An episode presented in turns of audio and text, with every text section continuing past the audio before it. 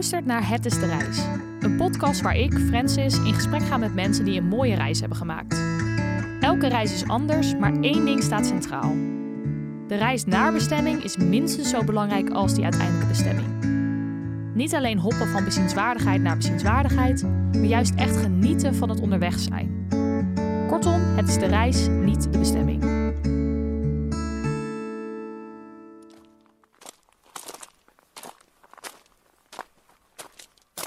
Deze aflevering heb ik Jan Fokke te gast. Hij is fulltime avonturier en heeft zichzelf een bijzondere uitdaging gesteld. Ik ben Jan Fokke Oostdorf, 48 jaar. En ik ben eigenlijk bezig met een Munro-missie. En uh, dat betekent dat ik probeer om alle 282 Munro's in Schotland, bergen boven de 3000 voet, rennend te doen. En daartussen verplaats ik me liftend. En ik heb inmiddels 113 bergen gedaan. En dit jaar ga ik in april weer die kant uit om nog 169 bergen te rennen. Jan Fokke is een echte Schotlandliefhebber en het beklimmen van de Munro's was voor hem dan ook een lange tijd een droom. Maar misschien ben jij als luisteraar minder bekend met de Schotse bergen, dus ik vraag Jan Fokke om eerst wat meer te vertellen over de geschiedenis van de Munro's. Munro's, dat zijn dus bergen boven de, zeg maar eventjes, 3000 voet. Dat is 914,4 meter. En ze heten Munro's omdat ooit Sir Hugh Munro de, de eerste was die die bergen in kaart bracht. Dus die maakte maar even, zeg maar even in de goede oude tijd een soort Excel-spreadsheet van die bergen. Uh, en hij heeft ze dus ook uh, ja, allemaal netjes op een rij gezet. En dat noemen ze de Munro's Tables. En sindsdien uh, staan die dingen allemaal op een rijtje en is het Munroist worden, of completionist zoals ze het noemen, is een dingetje. Ja. Dus als je al die bergen doet, dan ben je, nou ik zeg altijd completer mens, maar dan heb je een hoop gezien van Schotland in ieder geval. Ja. Um, en dat wordt ook bijgehouden. Dus ik, uit mijn hoofd zijn er nu iets meer dan 7000 mensen wereldwijd die al die bergen gedaan hebben. Dat is helemaal niet zo heel veel eigenlijk. Nee, Nee. dat valt mee. Het zijn Ja. er ook 282. Het zijn er gewoon ja, serieus nee, het veel. duurt wel even voordat je ze hebt, ja. Dus dat zijn Monroe's. Ja. En het is wel aardig ook voor, voor de luisteraars. Want voor mij is er inmiddels een wereld open gegaan. Ik dacht, ik doe al die bergen en dan, dan kan ik Schotland afsluiten. Maar je hebt dus ook de Corbetts. En daaronder heb je de Grahams. En daaronder heb je de Donalds. En zo kun je doorgaan tot je alle bergen, bijvoorbeeld ook alle bergen op de eilanden hebt. Ja. En al die verschillende soorten bergen worden allemaal in lijsten bijgehouden. En die kun je dus allemaal aftikken. Toppen snellen noem ik het. Eh, en dan ben je dus ook een Munro bagger. Dus eigenlijk een toppentikker. Ja, want dat is hoe ze dat noemen. Hè? Als je één berg hebt gedaan, is het een Munro gebackt. Absoluut, ja. Oké, nou duidelijk. En waar komt eigenlijk voor jou dan die liefde voor Schotland vandaan? Waarom Schotland? Ik had vroeger een ontzettend enthousiaste lerares op de basisschool. En die, eh, die liet ons tijdens de lessen Engels dus hele mooie documentaires zien over Schotland. En daar is dat blijven plakken, de Monroes. En eh, toen de tijd had je ook Survival of the Fittest. Ik weet niet of het jou wat zegt, maar Nee. eh, dat waren van die, eh, ik zou wel zeggen tegenwoordig heet het Ro- Robinson-eiland of zo. Oh, zo'n soort programma, ja. Eh, maar dan had je dus een aantal mensen die sportieve uitdagingen met elkaar aangingen. En daar waren ook een aantal afleveringen in Schotland. En sindsdien is die Schotse wildernis mij bijgebleven. Nou, en door de jaren heen eh, een aantal keer daar op vakantie, een huis gerenoveerd. En ja, als, als je in, in Europa gaat kijken, is Schotland wel een van de laatste echte wildernissen. Ehm, en ik, ja, dat resoneert met mij. De, de wijsheid, de verlatenheid, de grootse natuur die echt op je inwerkt. Ik vind het, ja, het is gewoon een prachtig land. Punt. Ja, ja, nee, dat geloof ik meteen. En veel mensen die misschien datzelfde sentiment hebben, zouden dan denken: ik ga gewoon regelmatig er naartoe, lekker roadtrippen. Maar jij denkt: ik ga meteen een best wel bizarre missie, zeg maar, voor mezelf opzetten. Ehm, waar komt dat vandaan? Dat je er meteen echt ook een soort van sportieve uitdaging van, van wil maken? Nou, het is een beetje mijn werk. Ehm, ik heb eh, mijn moeder verloren in 2006 aan, eh, aan kanker. En ehm, sindsdien roep ik altijd, je moet geen slachtoffer van uitgesteld geluk worden. Hè. We kennen allemaal wel mensen om ons heen die zeggen straks, straks. En als je maar lang genoeg wacht, dan is het had ik maar. Ja, Eh, zeker. en ik heb gezegd, ik ga eigenlijk vanaf dat moment doen wat ik leuk vind. En dat is enerzijds reizen en anderzijds een sportieve uitdaging zoeken. Dus eh, ja, dan kan je denken aan een poolexpeditie, hardlopen. ehm, ja, en het liefst combineer ik het dus. Sporten in een fantastisch mooi afgelegen gebied. Ja, wat een goed idee, inderdaad. En wat is toen een beetje de eerste grote uitdaging die je zelf gesteld hebt, zeg maar daarna? Nou, ik had er eigenlijk in mijn jeugd, eh, ik werd vroeger een beetje gepest op school. En ik vond eh, het onderwijs ingewikkeld, tussen vier muren zitten en, eh, en onderprikkeld worden. Dus ik was dat een beetje aan het dagdromen. En ik las ook al die boeken van grote avonturiers. Dus dan moet je denken aan poolreizigers, wereldzeilers, oceaanroeiers. En ik had eigenlijk vier jeugddromen, nou misschien vijf. De vijfde moet nog. Mhm. Eén was een poolexpeditie. Dus ik heb eigenlijk vlak na het overlijden van mijn moeder met een vriend een poolexpeditie gemaakt over de Groenlandse ijskap. Dat is natuurlijk een gigantisch avontuur als je het hebt wat cool. over, over echte wildernis. Ehm, een aantal maanden voorbereiding en dan tussen de ijsberen en de gletsjerspleten proberen met een slee in een maand zeg maar 600 kilometer over de ijskap te lopen. Wauw, ja, Dus het was een fantastisch heel avontuur. vet, ja. Eh, overigens de overkant niet gehaald. Eh, ik denk een beetje als gevolg van klimaatverandering. Oké, Dus, wat eh, dan?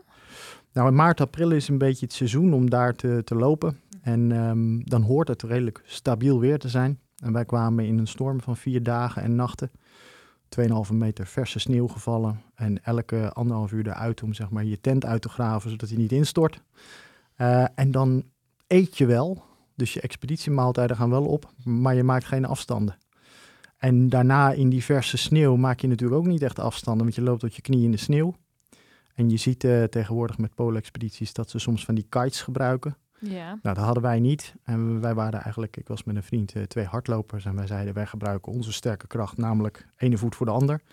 Eh, ja, en, en toen moesten we omkeren, omdat was je met een groep, zeg maar? Of was Nee. je echt met z'n tweeën? met z'n tweeën. Ja. Wauw, oké. Dus dat was eigenlijk het droom 1, Ja, een poolexpeditie. ja. Eh, die heb ik daarna nog een keer herhaald door een winteroversteek te proberen te maken van IJsland. Mhm. Ehm, maar dat lukte ook niet, want het zou tussen de min 20 en min 30 zijn. En het was uit mijn hoofd plus 12. Een warme feunwind. Eh, of dat klimaatverandering is, dat laat ik in het midden. En toen liepen we opeens met onze rackets, we waren echt aan het sneeuw wandelen. eh, liepen we in de slushpuppy. Oh, wauw, oké. En daar was niet echt meer te doen, zeg maar. Nee, nee, en eh, toen ik. moesten alle expedities ook gered worden uit de binnenlanden. Want er waren bijvoorbeeld heel veel mensen met snowcats. En die hadden natte bougies, dus die deden het niet meer. En die Ah. waren ook niet voorbereid op bivakeren en overnachten. Dus er was een beetje paniek in Oh, IJsland. je hebt niet echt geluk gehad uh, Nee. deze tochten. Nee. nee, maar ik denk ook dat is, als je dit soort extreme eh, reizen maakt, is het natuurlijk een beetje open einde. Het is echt avontuur. Zeker, ja, ja. Nee, dus dat was droom 1. Droom 2 was de Marathon de Sable. Mhm. Eh, eigenlijk hardlopen zeven dagen met je bepakking in de, in de woestijn. In ja, de oostelijke- 150 kilometer of zoiets, toch? 250. 250, Ja. 250 oké. Ja, dus het is in de oostelijke Sahara bij ehm, Algerije in de buurt. En dan ga je dus 500 kilometer met de bus eh, echt naar de middle of nowhere. En ik zeg wel eens als trailrunner is dat de enige trail geweest van 250 kilometer waarbij ik geen asfalt heb gezien. Maar dan ook echt niet. Ik heb niet eens een weg overgestoken. Wauw. Alleen maar woestijn, oases. Zo zwaar rennen lijkt mij, of niet? Ehm, ik ben een beetje gedeformeerd. Eh, en ik roep altijd, als je een goede marathon in de benen hebt en je bereidt je goed voor, kun je dit. Daar ben Ja? ik van overtuigd. Je, je krijgt van de organisatie ook wel de tijd om eh, je, je, je prestatie neer te zetten. En even voor de luisteraars, dan praat je over eh zeven dagen. 30, 40, 30 heb de afstanden. Dan heb je de vierde dag, de lange dag, tussen de 80 en de 100 kilometer. Eh, dan weer een marathon. En dan heb je nog een charity stage. Dat is een beetje voor het goede doel. Dus eh, zeg maar, ik heb bijvoorbeeld een marathon gerend vorig jaar. Hoeveel zou ik nu nog moeten trainen om dit ook te kunnen doen, denk je? Ehm, nou, ik zou eh, in de eerste plaats zou ik tien weken lang elke week gewoon een marathon doen. Oké, dat klinkt wel pittig. en ik zou één keer een Kennedy Mars doen waarbij je dribbelt. Om eens te voelen wat het is om 80 kilometer te doen. Ja. En dan liefst eh, zeg maar zo'n 20 uur, 17 uur inspanning. Zodat je er al een keer geweest bent. Ja, precies. En die bepakking moet je denk ik ook wel even mee trainen, dat je dat Ja. meeneemt. Ja, je begint eh, met al je eten en je slaapzakje. En eh, dan begin je met een kilo of 10. En je eindigt met Tien. minder. Ja. Ehm, maar goed, ik zeg al, als je een Kennedy Mars kan lopen, Ja. je krijgt wel tijd in de woestijn. En heel veel stukken kun je niet rennen vanwege het mulle zand. En tegelijkertijd zijn er ook heel veel, dat kan je je voorstellen, droge stukken. Oewats, dat zijn de, de rivierbeddingen. Waarbij je op een soort uitgedroogde klei loopt. Mm, en daar oh kan ja. je nog best tempo draaien ook, als je daar eh, behoefte aan hebt. Dus het is eh, bij jou goed gegaan toen. nog. Het, lukte wel goed, zeg maar. Ik heb hem in één keer gefinished, ergens halverwege Nice. het veld. En eh, ja, als je het hebt over, over reizen, over bijzondere ervaringen. Ehm, je zit dan in een tentenkamp met berbertenten, waar duizend man zit, in een grote cirkel. En ik ben op een gegeven moment ook s'avonds op zo'n duinpan gaan zitten en dan kijk je op dat kamp. En boven je zie je echt de sterren. Als je het hebt over lichtvervuiling, die is daar gewoon niet. Er is Ja. helemaal niks. Dus ja, dat vond ik een heel bijzonder avontuur. Ja, Kijk cool. met veel plezier op terug. Ja, vet. Oké, dus dat was de tweede droom Tweede die je had. droom. Ja, welke droom had je nog weer? Ja, de derde droom is er eentje. eh, ik zeg als ik droom al sinds mijn eh, jongere jaren dat ik als een, ehm, ja, zo'n pelgrim in een wit gewaad met een touw in middel en een hoed door de binnenlanden van Spanje dwaal. Dus tijdens de pandemie, toen we eigenlijk weer een beetje wat mochten, dacht ik, weet je wat ik ga doen? Ik ga uh, de boel eens eventjes achter me laten en ik pak mijn rugzakje en ik ren naar Santiago. Vanuit Nederland? Vanuit Nederland. Ja. Vanaf de Grote Kerk in Apeldoorn. Wauw, en, uh, ja. Ik had een weekje had ik even getraind eigenlijk om te kijken of ik die belasting goed aankon. Dag na dag rennen. En toen kwam ik de koster van de Grote Kerk in Apeldoorn tegen. En ik zei, hebben jullie wel eens een pelgrim gehad die bij jullie vertrokken is? Ze zei, nee, we hebben ook geen stempel. Want je krijgt als pelgrim naar Santiago krijg je zo'n pelgrimspaspoort. Ja. En dan haal je bij alle herbergen en, uh, en hotels en, en, plekken waar zo'n stempel, haal je je stempel. Ze zei, nee, we hebben niet eens een stempel. Ik zei, nou, als jij een stempel regelt, start ik bij de Grote Kerk in Apeldoorn. En ren ik uh, eigenlijk naar, naar Santiago. en ik zei wel de kortste weg tussen twee punten, uh, dat is makkelijk. Ik wilde ook nog een bakje koffie doen in Duitsland bij mijn vader. En ik wilde tussendoor nog vrienden bezoeken in Innsbruck. Dus uiteindelijk heb ik door tien landen meer dan 5000 kilometer gerend. Dus je hebt een beetje een onderweg uh, gemaakt. Ja, zeker na die pandemie dacht ik, ik wil de hele Alpen door. Ja. Dus ik denk dat ik 1500 kilometer door de Alpen ben gerend. Wauw, oké, okay. vet. En natuurlijk uh, onder de Pyreneeën langs en eroverheen. Ja. Dus een fantastisch avontuur. Ja, en, jeetje uiteindelijk in Santiago geëindigd. En toen heb ik nog een kleine extra pelgrimstocht gedaan naar Finisterre. Oh ja, dat ligt dan bij de kust, Ja. toch? Dan kun je nog een stukje door, ja. Ja. Wat overigens prachtig is, want daar kom je dus echt bij die rotskapen. Ja. En zie je dus na 5000 kilometer de Atlantische Oceaan. Die ruik je al van tevoren. Ja. En dat was natuurlijk fantastisch. Ja, super vet. En ik vond uh, zeker Finisterre. En als je dan nog 20 kilometer verder loopt, kom je bij Muxia. Dat zijn echt prachtige plekken om, uh, om een keer geweest te zijn. Ja. Dus voor de luisteraars, als je een kleine pelgrimage wil doen, dus geen 5000, kan je van Santiago 90 kilometer lopen naar Muxia. En dat is echt prachtig. Goeie, ja. Inderdaad, de persoon die ik hier heb gehad over die wandeling naar de Santiago zei ook, je moet niet in Santiago stoppen, dat is niet zo bijzonder. Gewoon lekker door naar de kust. Dus Ja. dat, is, uh, dat is een goede tip inderdaad. Oké, dus die drie dromen heb je volbracht. Ja. En nu heb je dus een nieuwe droom waar Ja. je mee bezig bent. Ja, nu is er die uh, Monroe-missie, Ja, waarbij ik heb gezegd van... uh, hoe gaaf zou het zijn om alle 282 Monroes in Schotland te rennen. Dus daar ben ik, uh, nou zeg maar even, vorig jaar mee begonnen. In de zin van een aantal sponsors binnenhalen, contacten leggen in Schotland. En dan kijken of ik ergens een depot kan maken met al mijn expeditiemaaltijden. En dan één keer in de 20, 25 dagen als mijn eten op is, haal ik weer een voorraad. En dan trek ik hem weer terug in de wildernis. Oh, wat slim. En zijn er dan instanties voor waar je dat makkelijk kan regelen? Of, hoe, hoe doe je dat? Nou, ik had een Nederlander die woonde uh, eigenlijk op een, um, een landtong aan de Schotse kust. En uh, daar mocht ik mijn spullen zo lang stallen. Oh, ik, ik slim. kende de man niet, maar hij woonde daar prachtig tijdelijk. En uh, inmiddels heb ik daar een, een Nederlandse berggids ontmoet, een dame. En bij haar in de garage staat nu een enorme doos met maaltijden en, uh, en duizend sportrepen. Oh, wauw. Maar één keer in de 25 dagen hoef je pas een nieuwe spullen te halen. Ja, ik loop eigenlijk met een grote rugzak uh, waar eigenlijk alles in zit, kampeerspullen. En ik heb een racepack voor het rennen. Uh, want dat doe ik eigenlijk zonder die zware bepakking. Ah, dus ik zet ergens mijn tent op of ik gooi mijn spullen ergens in de bosjes verstopt. Ja. En dan ren ik met mijn racepack. En als ik reis, dan heb ik in die racepack eigenlijk allemaal maaltijden. Dus dan heb ik op mijn buik nog een rugzak met eten. Oké, slim. Dus eigenlijk uh, zorgen dat je inderdaad bij het beginpunt van zo'n wandeling al je spullen even dropt, zodat je die, die, die Munros kan baggen en dan uh, Ja. kan je weer terug naar je tent. Ja. Dat is wel slim inderdaad. Ja, om, om die bergen te rennen met al die spullen, dat vind ik wat veel van het goede. Ja. En als je het gaat optellen, kijk, je kunt in de, in de Alpen bijvoorbeeld alle 4000ers doen. Maar als je helemaal op hoogte bent, kun je dan een paar toppen doen. Maar dat is het stom aan die bergen in Schotland. Die beginnen allemaal op nul en ze eindigen allemaal op ongeveer 1000 meter. Dus Ja. je moet iedere keer weer omhoog. En soms liggen ze in een cluster, eh, maar vaak ook niet. Er, zitten, er zijn heel veel bergen die eh, in hun eentje liggen. Ja.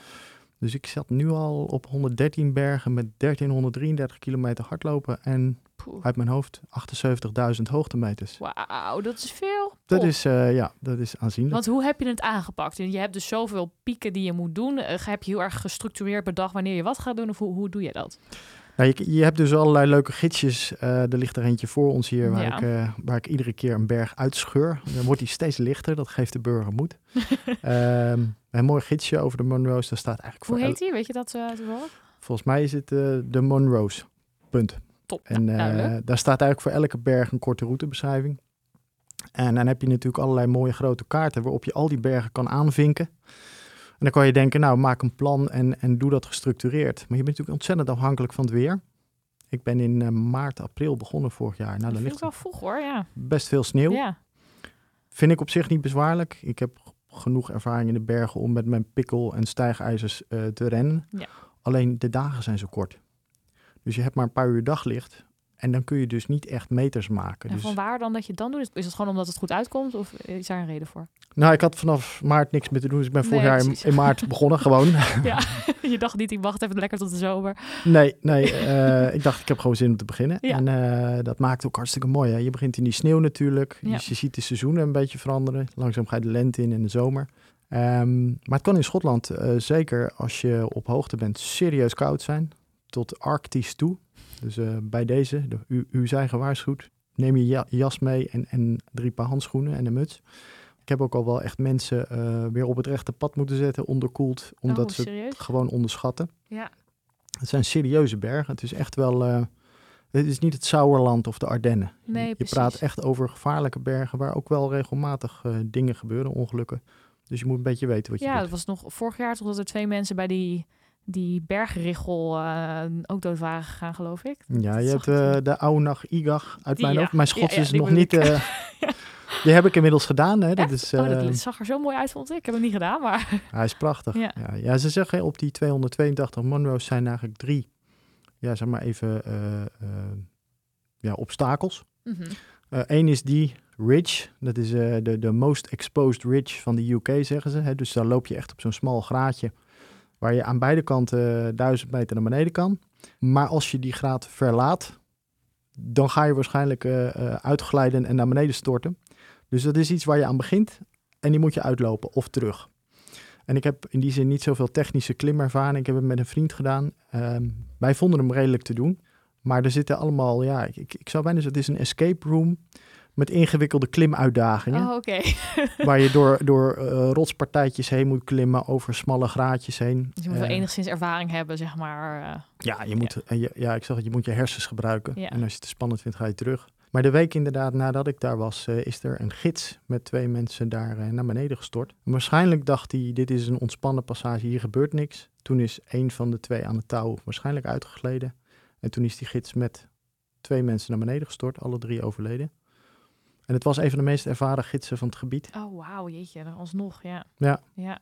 Oké, dus het is wel... Er zijn ook wel wat uitdagingen, zeg maar. eh. Ja, dit is er één. Ja. Eh, er is nog een andere berg ergens in het noorden, die schijnt wel spannend te zijn. Mhm. Nee, die heb ik nog niet gehad. En de derde is op het eiland Skye, prachtig eiland. Heb je de Cullins, en dat noemen ze een beetje de Alpen van Schotland. Mhm.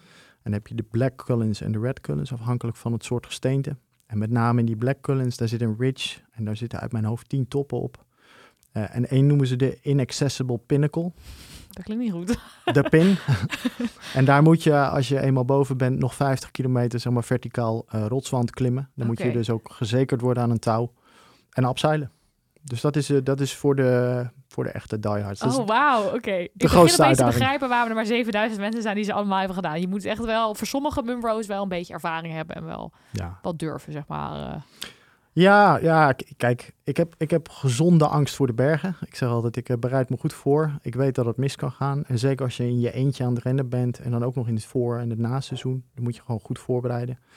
Ehm, maar dit zijn wel de, de technische moeilijkheden. Ehm, maar de meeste van die bergen kun je gewoon goed tegenop lopen. Ja. Maar ja, du moment dat je boven bent en ehm, de wolken komen naar beneden, dan moet je toch wel een beetje kunnen navigeren. Want ik heb een aantal keer mensen gehad die een stukje met me meeliepen. En die zeiden, ja, maar waar is het pad dan? Ik zei, er is niet altijd een pad. Dat is Schotland. Je hebt right of way. Je mag overal lopen. Maar dat wil niet zeggen dat er paden zijn. Dus soms loop je ook wel eens 12 kilometer met lichte krachttermen in je mond door de hei te, te banjeren tot je knieën. Dat hoort er ook bij. Ja, want hoe doe jij dat qua route, zeg maar? Heb je ergens een GPS of, of hoe weet je waar je heen moet, zeg maar? Ik eh, ben niet zo'n fan van eh, gadgets. Ook omdat je in die kou vaak met je koude handen zit. En dan is het bedienen lastig. Dus ik eh, scheur iedere keer zo'n handleidingje oh, uit je mijn doet gids. het echt op zo'n zo'n kaartje. Ik bestudeer van tevoren goed de route op de kaart. Zodat ik weet wat ik ga doen. Dus ik, ik weet in mijn hoofd wat ik ga doen. En ik heb een, ehm, een goede app. Die kun je downloaden uit de store. En dat is volgens mij Professional Monroeist. Zetten we in de show notes.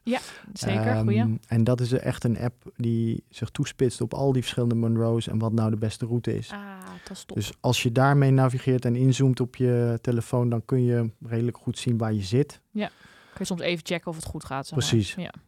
En ik moet je eerlijk zeggen, als het heel slecht weer is, dan zoek ik één makkelijke berg uit. En als het wat uh, slecht of beter is, dan zoek ik een cluster uit waar ik bijvoorbeeld uh, 60 kilometer pak ik er 10 tegelijk. Maar dat Ja. doe ik alleen als ik zeker weet dat het mooi blijft. Ja, dat is wel goed. Want daar was net een beetje over van of je het dus heel erg plant. Maar eigenlijk kijk je dus een beetje van dag tot dag ook wat komt nou goed uit. Welke Munro kan ik nu het beste pakken, zeg maar. Ja, en zeker in de winter kan je natuurlijk ook bij sommige bergen heb je lawinegevaar. Dus dan, eh dan mijt je die en dan lift ik naar een ander gebied. Want ik doe alle afstanden tussen de bergen liftend. Dus eh, dat is voor het, voor het extra Is dat een beetje te doen daar, liften in Schotland? Ja, hartstikke goed. Ja? Ja? De Schotland is natuurlijk zo ruig dat je vaak heb je die, eh, die single track roads, of in ieder geval die eh, maar één kant uit gaan. ja, dat je of zo'n dingetje, eh, zo'n zijkantje moet. Ja. passing place. ja, precies. Ja. Ja, en eigenlijk ehm, meestal sta je maximaal vijf minuten te wachten. Oh, wauw. Zelfs ik als, als lelijke kerel met zijn kale kop. Je wordt zo opgepikt. Ja, en je Oh, komt de fijn. leukste mensen tegen. Berggidsen, boswachters. Ik zit vaak zit ik met de border collie in de achterbak van de terreinwagen, bij wijze van spreken. Nee, oh, dat is wel heel leuk inderdaad. Oké, dus dat is wel echt een goed, dat is goed te doen, zeg maar, om dat met eh, liftend eh, rond te reizen, zeg maar. Ja, ik, ik, heb, ik lift al 30 jaar. Eh, mijn ervaring is altijd, zeker in de bergen, als je een bergsporter bent met een rugzak, dan zien mensen dat je ongevaarlijk bent. Dat is natuurlijk hè, de meeste, eh, hoe heet het, het is gewoon bedrog. Nee, maar ja, ik snap dat ergens wel inderdaad. En Schotland is zo ruig en verlaten dat er ook wel een soort community is die, die, nou, die ervoor zorgt dat, dat alles goed gaat. Dus als jij daar in je eentje staat en het is slecht weer, dan word je gewoon meegenomen. Fijn. Oké, goeie. En wat is de meest intense dag die je tot nu toe hebt gehad? Poeh. Ik had één hele goede dag en toen heb ik vijf van de hoogste Munro's gedaan, inclusief de Ben Nevis, Oké. eh, rennend. En ik heb die Ben Nevis afgerend in, uit mijn hoofd, 1 uur en 23 minuten. Dus het is eh 1380 meter vol gas naar beneden. Maar het was de hele dag mistig. Dus dat was best spannend. Van, goh, kan ik mijn weg vinden? Wel, Wanneer was dat? Was het in maart of in april, weet je dat? Ik denk mei, Oh, mei, ja. mei. Ja. Maar goed, dan vertrek je dus beneden, prachtig weer. Eh, je weet wel, boven zijn wolken, maar het was echt heel koud. En daar heb ik dus op de Ben Nevis, en dat is een beetje een circus, daar gaat iedereen toch naar boven toe, heb ik een aantal mensen ook weer op het rechte pad moeten zetten. Ehm, dus dat was, het, dat was een intense dag waar ik eh, heerlijk aan het rennen was. En ik geloof in vier uur vijf van de hoogste Monroe's heb gedaan. Dat was een prachtige dag. Ja, Maar goed, dan sta je dus boven op de Ben Nevis en het is echt geen hand voor ogen. En je weet wel dat je aan één kant niet moet komen. Daar eh, hangt meestal zo'n sneeuwriggel, noemen ze een corniche. Ja, daar kun je heel ver naar beneden vallen. Dus dan moet je wegblijven. En ik zag dus een aantal verdwaalde mensen die dus in die sneeuw aan het stampen oh, waren. nee. Ik zei, kom maar, kom maar terug op het pad. Eh, en die heb ik uiteindelijk ook weer moeten wijzen waar je naar beneden gaat. Ja. Nou, Ja. dat vond ik inderdaad. Ik was eh, vorig jaar dus ook in mei de Ben Nevis op. Ja, En het was echt, de eerste 80% was stralende zon. Super mooi. En toen kom je dat, dat hoekje om en dan opeens was het super mistig en sneeuw en weet ik het allemaal. Dat zag je helemaal niet aankomen als je beneden begon. Dus ik kan me voorstellen dat mensen dan heel ambitieus beginnen en dan uiteindelijk eigenlijk toch achterkomen dat ze, dat ze niet zo goed weten waar ze nou precies eh, aan begonnen zijn, zeg maar. nou, veel Ja. toeristen en Ja. met name die Ben Nevis. Hè, en één Ja. kant is goed te doen hoor. Dat noemen ze ook wel een snelweg. Nou ja, het is, het is gewoon een goed aangelegd breed pad. Maar als je boven komt, dan heb je een top die bestaat uit zeg maar even tien voetbalvelden met keien. Daar is niet echt meer gemarkeerd pad. Dus als daar ook nog een beetje sneeuw ligt en mistig is, dan ben je zo je, je oriëntatie kwijt. Ja, zeker, ja. En dat, eh, ja, dat maakt, ik zeg altijd, je moet, ook als het mooi weer is, toch dat zware windjack. Toch die handschoenen, toch die muts mee. En ik heb wel met vrienden gelopen. Ze zeiden, we laten die handschoenen lekker beneden. Ik zei, nee, neem maar mee. En dan boven, oh ja, je had toch gelijk. Zei, Oh, wat goed. het wordt echt wel koud. Ja, dus je hebt altijd wel echt een tas waar je wat extra laagjes en dingetjes in hebt zitten. Ja. En natuurlijk elke, hè, is een beetje de, de stelregel, elke duizend meter die je klimt, wordt het 6 graden kouder. Nou ja, als het beneden lekker is, dan daarboven kan Ja. het... Nee, dat is zo, ja. Ja. En, want ik heb nog nooit echt een trailrunner in de podcast gehad. Ehm, ja, ik ben wel benieuwd, hoe heb jij dat een beetje ge- geoefend of geleerd? Zeg maar? Hoe pak je zoiets aan? Lijkt me bijvoorbeeld ook wel leuk om een keer te doen, maar ik vind het toch altijd een beetje zo spannend. Ik zie die mensen altijd zo die berg oprennen en denk, oeh, dat... Je moet wel goed je voeten neerzetten bijvoorbeeld, zeg maar. Hoe heb jij Ja. dat een beetje aangepakt? Nou, ik ren al eigenlijk vanaf mijn twaalfde. ja. Ik zei straks wel even kort tussen neus en lippen. Ik werd een beetje gepest op school. Dus wat ik eh, deed was in de weekenden altijd rennen. Stoom afblazen. Mhm. En mijn vader eh, ging dan altijd mee en die timede me met een stopwatch, een ouderwetse stopwatch. Eh, en ik zeg wel eens, ik heb niet tien, ik heb niet honderd. Ik heb meer dan duizend wedstrijden gelopen. Dus ik heb gewoon heel veel ervaring met lopen. Ja, en op een gegeven moment kom je in het stadium zo rond mijn moeder die overleed. dan ga je eerst de ultra lopen. Dus dan ga je richting een 80 kilometer. Loop je in de aanloop, loop je 10, 15 marathons. Nou ja, en op een gegeven moment ren je naar Santiago. Dat zijn 100 marathons, 100 keer 50 kilometer, soms zelfs 80. Uh, inmiddels mijn langste loop is 145. Rondje om Nijmegen, de Walk of Wisdom. Mooie oh, pelgrimsroute. En ik zou vorig jaar zelf starten op een van de langste wedstrijden in Europa. 1001 kilometer non-stop, de mega race. 1001 kilometer? Ja. Oké, en dan slaap je wel tussendoor? Of? Is 13 dagen en nachten in principe doorlopen tot je niet meer kunt en dan een powernap. Uh, maar je mocht geen tentje mee, dus je zou dan op de trail slapen met je matje in je slaapzak. En je mocht wel een verzorgingsteam met een campertje of zo. Oh, zo, ja. Ehm, maar dan, uh, ja, dan loop je dus duizenden en kilometer dag en nacht op je GPS in de bergen. Want het was Tsjechië, Duitsland en Oostenrijk. Vet. Oké, maar eh, laat ik het zo zeggen, voor de luisteraars die denken... Ik maak hem klein nu. Ja, precies, ja. uh, ja, kijk, um, je kunt natuurlijk uh, um, gewoon heel veel oefenen. Ja. Ik heb meegewerkt ooit aan de eerste versie van de opleiding Trailrun Trainer. Er zijn natuurlijk een aantal trainers in Nederland die echt bewust je meenemen voor je eerste stap op de trail. Dus daar leer je iets over pols, over je racepack, over hoe bereid ik me voor uh, in zo'n gebied. Een beetje EHBO er ook bij, weerkunde, hoe, want je komt van alles tegen. Um, dus dat, dat uh, kan een goede stap zijn. En voor de rest, ja, in Nederland is een enorme trailrun kalender met allemaal leuke trailtjes natuurlijk uh, ja. door het hele land waar je mee kunt, uh, kunt oefenen en beginnen. En wat ik zelf een hele fijne vond, als je bij de Nederlandse Bergsportvereniging, de NKBV, um, kun je bijvoorbeeld een basiscursus sneeuw en ijs doen. Dan ga je een week eigenlijk een huttentocht doen. En wat je daar met name heel erg leert, is het vertrouwen op je schoeisel. Dus echt het spelen op de rotsen met je bergschoenen. Waardoor je heel veel, ze noemen dat in, in het Duitse, tritsicherkeit. Um, dus je leert echt vertrouwen op je voeten en, en het bewegen door ingewikkeld terrein. En daar heb ik uh, veel aan gehad. Ja, goede tip inderdaad. Ja, en als je het echt hebben inderdaad bij trailrunnen bij echt een hoge berg, zijn er dan nog, zeg maar, wat is daar anders aan dan als je uh, gewoon op vlakke grond, zeg maar, waar moet je dan rekening mee houden? Ja, ik denk dat dat toch met name heel veel ervaring is. Uh, klimmen ren je niet altijd, is gewoon soms te zwaar. Maar goed, als je naar beneden gaat, dan moet je wel weten wat je doet. Het terrein goed gebruiken, lezen, goed ver voor je uitkijken. Ja, en dat, een slippertje is zo gemaakt. Ik ben nu in 113 bergen twee keer uitgegleden, maar dan zag ik het al aankomen. Dus dat is echt wel ervaring. Um, maar ik denk wat in, in de bergen het belangrijkste is, is ook uh, een stukje weerkunde. Een beetje weten wat het weer doet. Wolkenkunde kun je bij de NKBV um, ehm, en bij de KNMI, Meteo Consult, kun je cursussen wolkenkunde doen, wat hartstikke leuk is. Ja, en dan leer je dus over uh, Cirrus Altus, van die hele hoge wolken in de stratosfeer, maar ook inversie. De meeste mensen weten niet wat dat is, maar dat is dat koude lucht dus heel zwaar is en in de dalen gaat hangen in de bergen. Als je daar dan je tentje op zet, heb je het echt heel koud. Dus je kan beter iets hoger gaan oh, staan. dat is wel goed, ja. Dat soort dingen. Ja. Ehm, ja, dat zijn echt van die dingen die, als je het weet, en dat is eigenlijk makkelijk inderdaad om even een cursus in te volgen, dan maak je leven waarschijnlijk uiteindelijk een stuk fijner uh, als je zoiets gaat doen. Ja. ja, nou ja, en ik denk, weet je, zelfs in Nederland, we, we onderschatten snel wat het weer kan doen. Als ja. jij um, 40, 50 kilometer hebt hard gelopen en je hebt wind tegen en het regent, dan ben je echt wel heel snel onderkoeld. Dus dat, ja, dit, ik denk dat is ervaring, daar kun je op kleden. Maar ja, je moet het wel bij je hebben. Ja. Laagjes. Ja, oké. En als we nu eventjes een beetje inzoomen op Schotland. Je hebt natuurlijk nu best wel wat gezien van het land. Kun je wat zeggen over misschien de um, gebieden waarvan jij zegt dat zijn, eh, wat mij betreft, de mooiste gebieden? Of daar heb ik de. Ja. Nou, ik heb de Munros op Skye nog niet gedaan. Maar ik vind Skye is een fantastisch mooi eiland aan de westkust. Hè. Sowieso die hele westkust van Schotland. Die Outer Hebrides, uh, Harris. Fantastisch mooi eiland. Uh, Arran, noemen ze ook wel Klein Schotland. Ook fantastisch mooi met bergen als de Goatfell. Uh, maar Sky zie ik erg naar uit. Uh, het is aan de ene kant een van die knelpunten. Hè? Dus het echt een zware tocht wordt dat. Je kunt die ridge van 10 bergen in één keer doen. Dan ben je wel 20, 25 uur aan het lopen, afhankelijk van hoe snel je bent. Uh, dus ja, ik heb twee Ieren ontmoet in Schotland, met wie ik wat van de afgelegen bergen in het noorden heb gedaan. Oh ja.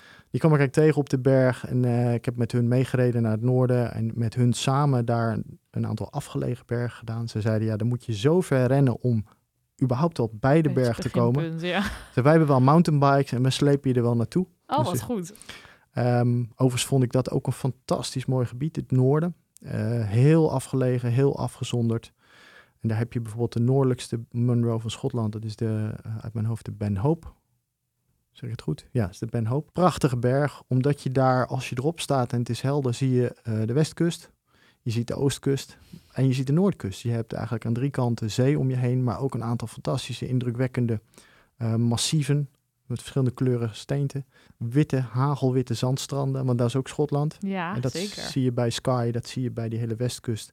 Prachtige baaien die je helemaal voor jezelf hebt, waar je je tentje neerzet. Dus um, Sky kijk ik erg naar uit. Ja. Ik vond um, de Cairngorms, dat is een gebied aan de oostkant, een natuurgebied. En dat is eigenlijk is dat een, een soort plateau op hoogte waar al die toppen uitkomen. Het punt is alleen als je laaghangende bewolking hebt en slecht weer en je bent op dat plateau, is er bijna niets om je aan te oriënteren. En het is echt van alles verlaten. Er zit helemaal niks.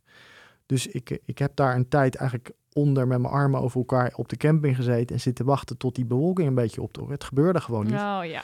Dus ik heb het gebied even tijdelijk geskipt. Ik heb aan de randen wel een aantal toppen gedaan. Maar echt de harde kern van de kerncorns is ontzettend ruig. Kijk ik erg naar uit. Er zitten ook een paar van de hoogste Munro's van, uh, van Schotland. Ja, Ben McDewey. Ben ben ik op geweest. Ja. Ja, Ja. dat is de Haunted Mountain. Oh, Ze ja. zeggen dat daar de geest van een oude man rondwaart. Die heb ik niet gezien. en dat, eh, dat je dan, als je loopt, dat je voetsporen achter je hoort. Oh. En het grappige is, die Nederlandse dame bij wie ik mijn spullen heb gestald, Ja. die was daar en die heeft die voetstappen gehoord. Echt? Ja. Wauw, oké, wat vet. De Ben McDewey. Ja, ja, En je zegt al een paar keer dat je dus ook wel onderweg wat mensen eh, ontmoet en met anderen loopt. Is dat ook iets wat je leuk vindt, zeg maar, om, da- om dat ook samen te doen met anderen? Tuurlijk, ik heb eh, ja, eigenlijk een beetje funding van mijn expeditie. Heb ik gezegd van je mensen kunnen een berg adopteren voor 50 euro. Dan krijgen ze een filmpje van de top. Ja, en er zijn er een paar van die gekken die zeggen: Ik kom die kant uit, want ik wil die berg samen met je doen. dus ik heb al een aantal eh, vrienden over de vloer gehad. eh, met wie ik gewoon berg heb gedaan. En dat is natuurlijk hartstikke leuk. Dan Ja. moet ik wel mijn tempo iets drukken. Want Oh de, ja. de meeste rennen niet.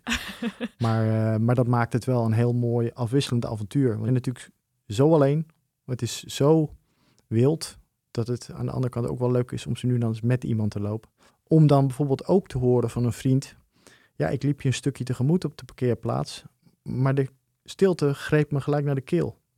Heb je dat ook niet? Ik zei, ja, dat heb ik wel degelijk. Als je, als je zo eh, alleen urenlang en soms, soms wel 40, 50 kilometer lopen tot je bij een berg bent. En dan moet je de berg nog op.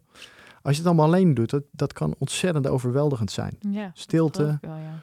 De, de, de desolaatheid ehm, en soms in gitzwart water, waar dan een gitzwarte lucht boven hangt met gitzwarte bergwanden.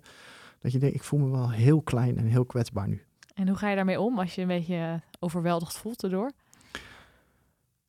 Ja, gewoon door. Maar ehm, kijk, mijn vader zegt altijd, de een wijze man, die zegt altijd, als jij je hersens niet gebruikt en er gaat iets mis, krijg je mij nog een trap na. Eh, Ik ben wel op het scherpst van mijn, eh, van mijn kunnen. Wel echt gefocust, goed voorbereid. Ehm, ja, en enerzijds is het, ehm, is het is intappen op je eigen eh, kracht. Hè? Je, je stijgt boven jezelf uit. En aan de andere kant soms ook echt wel bang. Ja. Weet je, dus eh, daar, daar gaat het boek straks ook over. Hoe je, nou, hoe je met je eigen angsten om kunt gaan en hoe je daar bijvoorbeeld, hè, als, je, als je aan het rennen bent, dan focus je op wat je nog moet doen. Het gat tussen de, tussen de berg waar je nu zit en die 282. Maar als het slecht gaat, dan kijk je juist achterom naar wat je al gedaan hebt, de investering die je gedaan hebt. Nou ja, dat zijn mentale trucjes, net Goeie. als voice dialoguing, hè, jezelf moet inspreken. Wat zeg je dan tegen jezelf? Nou, ik gebruik dat niet zo, maar Ja. dat is wel, wel degelijk in de, in de gedragspsychologie is dat een van de stromingen. Ja. Waarbij je echt je, jezelf weer eh er bovenop praat. Oh, wat goed. Ja. Ja, dus dat soort dingen verdiep ik me wel, eh, wel in, ook voor dat boek. Ja, Want je bent natuurlijk ook best wel wat dagen, denk ik, in je eentje. Gewoon dat je niemand tegenkomt. zeker. Ehm, Veel is- in het wild kamperen ook. Ja, precies. En eh, is dat iets waar je, waar je moeite mee hebt, zeg maar, om echt zo hele tijd alleen met je gedachten te zijn? Of vind je dat juist wel lekker? Hoe, hoe kijk je daarnaar? Ik vind het heerlijk. Sterker nog, ehm, ik zeg wel eens, ik ben daar eh, altijd alleen, maar zelden eenzaam. En hier in Nederland, ik liep nu net weer hier door druk Amsterdam, ben ik zelden alleen, maar voel ik me soms veel eenzamer. Dus het, eh, ja, ik denk als je weet wat je doet, ja, ja, ik vind het gewoon heerlijk. Buiten zijn, I eh, vogels, eekhoorntjes, eh, die bergen, weer sneeuw, baaien, waar ik dan in mijn eentje sta met mijn tentje, met mijn brandertje, een potje koffie maken. Elke aflevering vraag ik mijn gasten of ze nou een nummer of album hebben wat voor hen echt symbool staat voor de reis. Ben je nou benieuwd naar de muziek die mijn gasten noemen? Op Spotify kun je zoeken naar de afspeellijst Het is de reis, niet de bestemming, waar ik alle nummers toevoeg en ook wat eigen favorieten inzet. Ik vraag het ook aan Jan Fokke. Ja, ik zeg wel eens, ik vind met trailrun heel fijn om contact te hebben en verbinding te hebben met mijn omgeving. Maar als je zo lang rent, vind ik die muziek wel heerlijk om op weg te dromen. Oh ja. En ehm, een nummer wat ik zeker tijdens deze expeditie veel heb geluisterd, is van Anne Brun. Dat is een, uh, uit mijn hoofd een Zweedse uh, uh, zanger, zangeres. Weet ik ook niet eens. Hele mooie stem. Oké, ja. en die heeft een nummer dat heet Die Opening. Ja. En dat gaat er eigenlijk over dat als je metaforisch gezien door het bos rent, dat er voor iedereen een open plek is. Jouw plek, waar je je thuis voelt, waar je je geborgen voelt. Uh, en de zoektocht in het leven is naar jouw open plek in het bos. Dus ik vind die, die teksten hartstikke sterk, metaforisch gezien. En het is ook een prachtig nummer om bij weg te dromen. Dus het is echt uh, ja, voor deze expeditie zeker van toepassing. Wat een goeie. Nou, die komt in de afspeellijst. Dat Helemaal is, goed. Uh, dat is een hele goeie. Oké, dus je vindt het inderdaad wel lekker om soms toch ook even een muziekje op te zetten als je uren aan het rennen bent. Ja, heerlijk. Ja, ja. dan kun je echt bij wegdromen en zwevend over die bergen. Ja, ja, ik kan me voorstellen.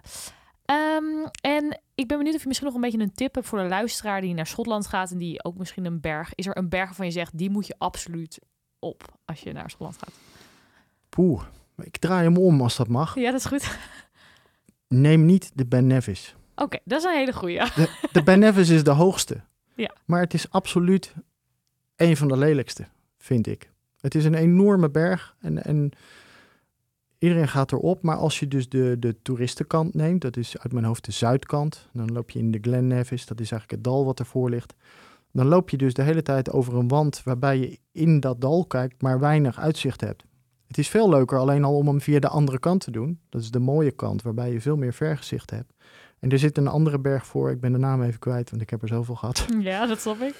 Die is eigenlijk veel spectaculairder en dan kijk je op de Ben Nevis. Dus ah. die is alleen alweer mooier. En okay. vanaf die top zou je, als je een beetje tritsicherheid hebt, zou je een klein graadje kunnen doen waarbij je een beetje klautert tussen stenen. Het is niet heel eng. En dan kom je eigenlijk aan de andere kant op de Ben Nevis. Die is veel spectaculairder. Wat een goede tip. Maar de Ben Nevis is de hoogste en veel mensen willen die hoogste aftikken. Maar het is helemaal niet de mooiste. Nee. Absoluut niet. Nee, dat vond ik ook wel echt. Het was ook zo druk op die ja. traditionele route, zeg maar. Dat was echt eigenlijk... file lopen. Zo. Ja, het is echt ja. file lopen, ja. ja. Ik zit zo even te denken hoor. Wat ik een van de mooiste bergen vond die ik nu heb gedaan, is de laatste die ik ook heb gedaan. Ja. Dat is in Nooidart. En Nooidart ligt helemaal aan de westkust. Okay. En dat wordt de wildernis van Schotland genoemd. Nou is Schotland al wild, maar dit is dus de wildernis van de wildernis. en ik ben daar naartoe gerend omdat er een... Um, er zit, er zit een, een strook van 7 kilometer asfalt. Daar ligt één dorpje. Ik weet even niet meer de naam daarvan. Maar dat ligt dus helemaal afgezonderd van de rest van de wereld. En dan kan je eigenlijk alleen met de ferry komen. Of je rent er naartoe.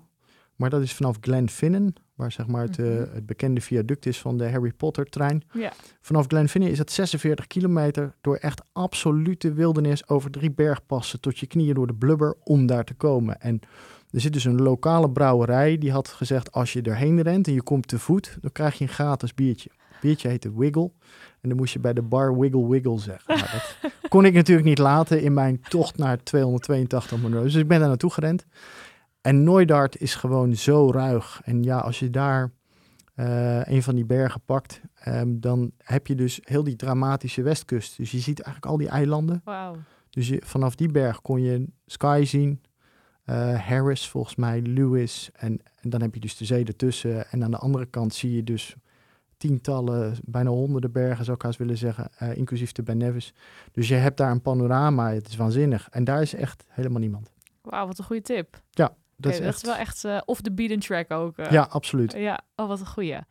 En afsluitend, deze podcast heet natuurlijk Het is de reis, niet de bestemming. Um, waarom vind jij het zelf fijn en belangrijk om wat bewuster om te gaan met de afstand die je aflegt en hoe je aan het reizen bent?